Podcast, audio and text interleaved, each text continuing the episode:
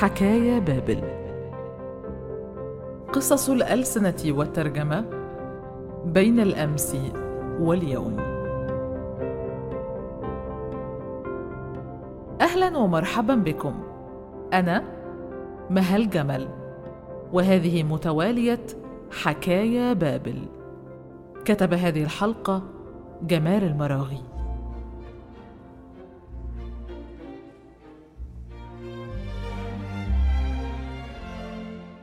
في زمان سحيق قبل آلاف من الأعوام اجتمع إخناتون ملك مصر مع نظرائه من ملوك اليونان وبابل. كان كل منهم يرطن بلغته ولكي تكتمل جلستهم لم يكن لوسطاء الحرف بديلا. ومن هنا اتفقوا فيما بينهم على اختيار لغة واحدة يتبادلون بها مراسلاتهم فكانت الأكدية.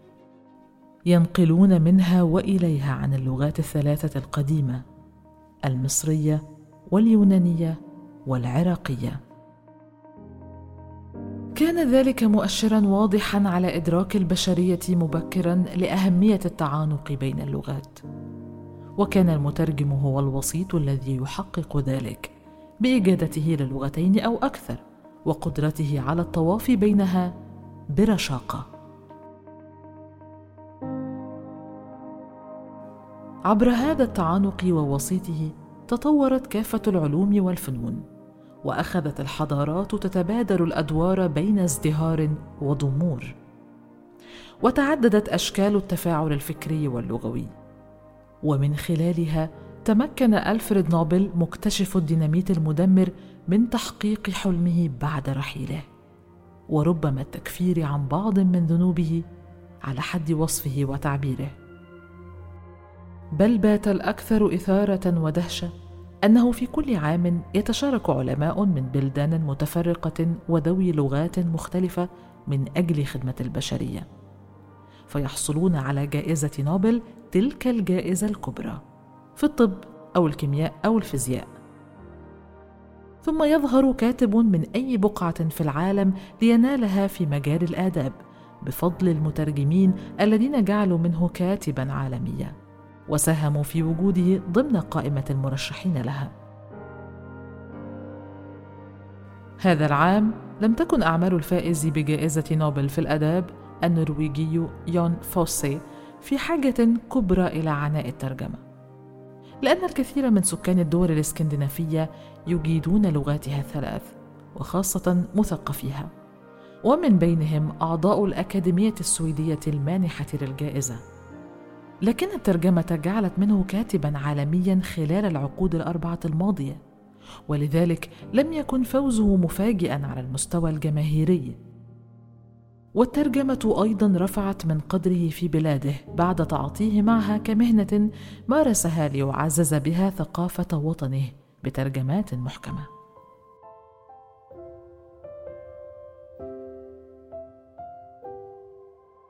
ولد فوسي بعد نهاية الحرب العالمية الثانية بعشرة أعوام. قرب البرزخ الواصل بين جزيرة كارمي وبحر الشمال ببلدة هاوكسون لأسرة بسيطة. انتقل معها إلى الساحل الغربي لينشأ في مدينة بيرغن ذلك المرج الأخضر الذي يخترق الجبال البيضاء اللامعة والتي حياها إبسن فقال. تحياتي لك أيتها المدينة الشامخة بين الجبال. في النرويج أنت زهرة العطر من البسيط إلى البسيط. هذا السحر دفع فوسي إلى الكتابة قبل أن يقرأ. فنظم الشعر وهو في العاشرة من عمره ثم درس الفلسفة وعلم الاجتماع في الجامعة. فجذبه التناقض بين ديريدا وهايديجا أما حياته العملية فبدأت بالصحافة لنحو أربعة عشر عاما قبل أن يتفرغ للكتابة. قصد فوسي مختلف دروب الإبداع الأدبي. فكتب القصة والشعر والرواية وقصص الأطفال والمسرحيات بين تأليف وترجمة. في كل درب ترك أثرا وبصمة ونال تصفيقا كبيرا من الجمهور في عشرات البلدان حول العالم. وحاز على جوائز وحملت اسمه مراكز متخصصة في كل من هذه الفنون وأكثرها خارج بلاده. ويحك أيتها الترجمة وطوبى لكم أيها المترجمون بما صنعتم في هذا المسكين الذي لم يكن يرجو أكثر من رضا الناشر عما يكتب حتى يتقاضى ما يكفيه ليوفر له ولأسرته حياة كريمة. يظن من يطلع على سيرة فوسي أنه كان يخطو كل خطوة فيها بحسابات دقيقة ومدروسة. فالموسوعات العالمية تقول إن روايته الأولى صدرت عام 1984 وإن أولى مسرحياته قدمت للجمهور عام 1994 وإن أول ترجماته كانت عام 2004 أي أنه يشرع في مجال مختلف كل عقد من الزمان. لكنه دائما ما يعترف ويكرر اعترافه في مختلف الحوارات التي أجريت معه بأنه لم يقصد أي شيء من هذا وأنه ظل لنحو عامين يكتب في روايته الأولى أحمر أسود وهو يظن أن الناشر سيمزقها ويرميه خارج مكتبه. لكنه فوجئ به يبدي إعجابه ويدفعه للانتهاء منها. ومع كل رواية جديدة كان ناشره يفعل ذلك وكله ثقة بأن الجمهور سيغرم بها أكثر خارج النرويج. وهو كذلك من لاحظ أن فوسيه يكتب رواياته بأسلوب مسرحي ونصحه بالكتابة للمسرح لكنه رفض. يعتقد فوسيه أن عقله الباطن كان له رأي آخر. فرغم تكرار رفضه الكتابة للمسرح فإنه في لحظة فارقة وغير محسوبة بدأ يعد مسرحيته الأولى ولن نفترق أبدا. وكان هذه المرة أقل ترددا. وبعد ستة عشر شهرا من الإعداد قدمت مسرحيا عام 1994 ليبدأ مسيرة مع الخشبة حققت له شهرة واسعة. استفادت منها رواياته وقصصه بل وأشعاره وكتاباته التي وجهها للأطفال وساهمت في تعدد ترجماتها التي تجاوزت الأربعين لغة بينما ترجمت مسرحياته إلى خمس وخمسين لغة وقدمت مسرحيا في مئة وست عشرة دولة وبلغ عدد المسارح التي شهدت عروضا من مسرحياته نحو ألف ومائة وخمسة عشر مسرحا حول العالم.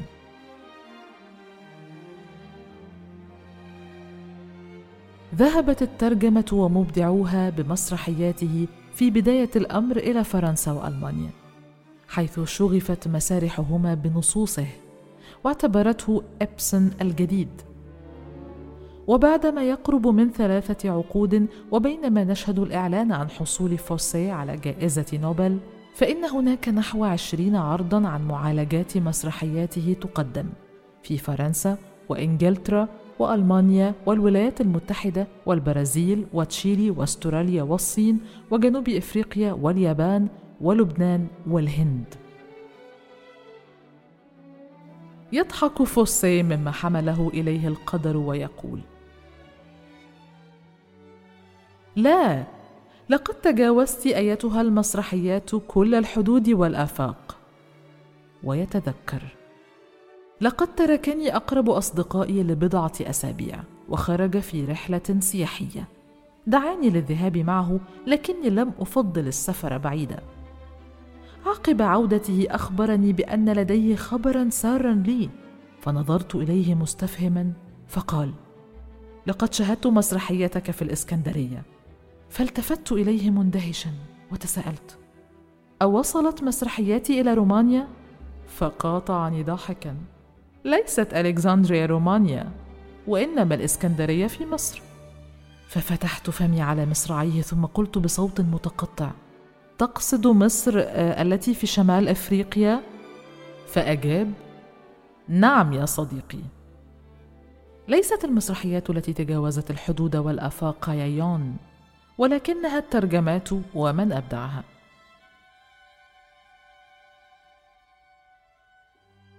لم يكن يظن فوسي أن اهتمامه بالمسرح سيصل إلى حد الشغف.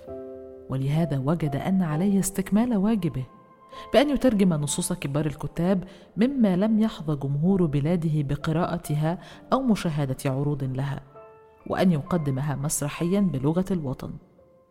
لم يذهب في اختياراته بعيدا عن هؤلاء الذين تأثر بهم في كتاباته الروائية والمسرحية. أمثال هارولد بنتا وكافكا وبوشنا وراسين وسارة كين ذات المكانة الخاصة عنده.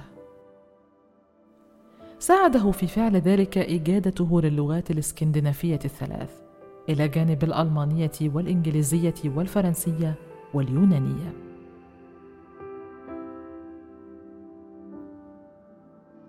منحت الأكاديمية السويدية جائزة نوبل لفوسي نظير ما قدمه للعالم من إبداعات روائية ومسرحية.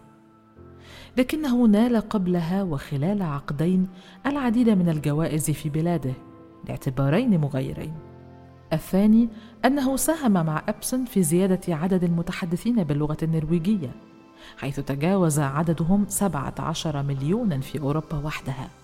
بما يزيد على ثلاثة أضعاف سكان النرويج البالغ عددهم خمسة ملايين ونصف مليون في مطلع العام الحالي أما الاعتبار الأول فكان لجهوده الكبيرة في ترجمة مجموعة النصوص المسرحية التي عززت ثقافة بلاده وأثرت الحياة الأدبية فيها.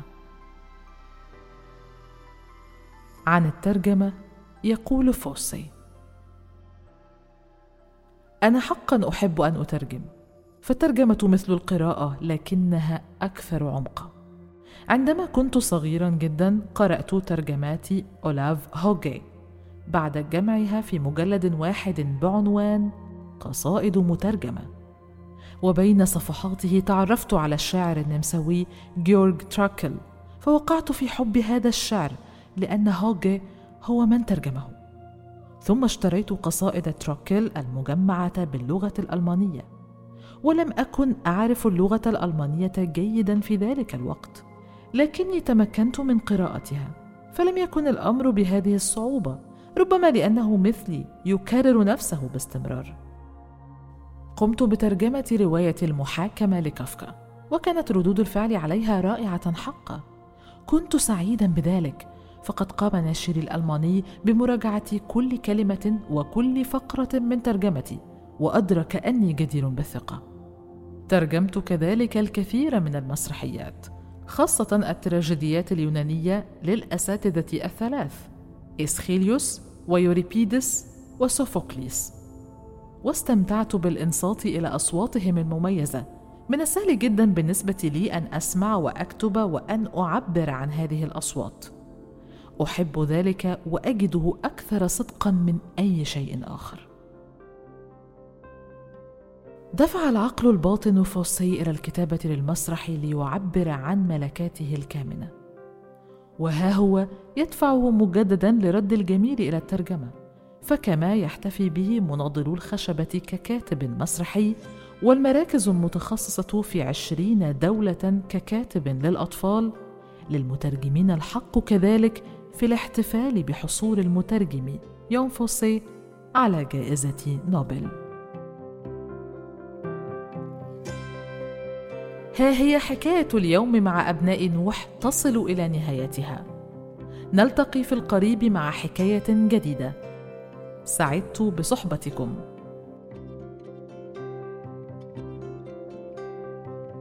حكاية بابل رئيس التحرير عائشة المراغي الهندسة الصوتية أحمد حسين. المنتج الفني شهرزاد.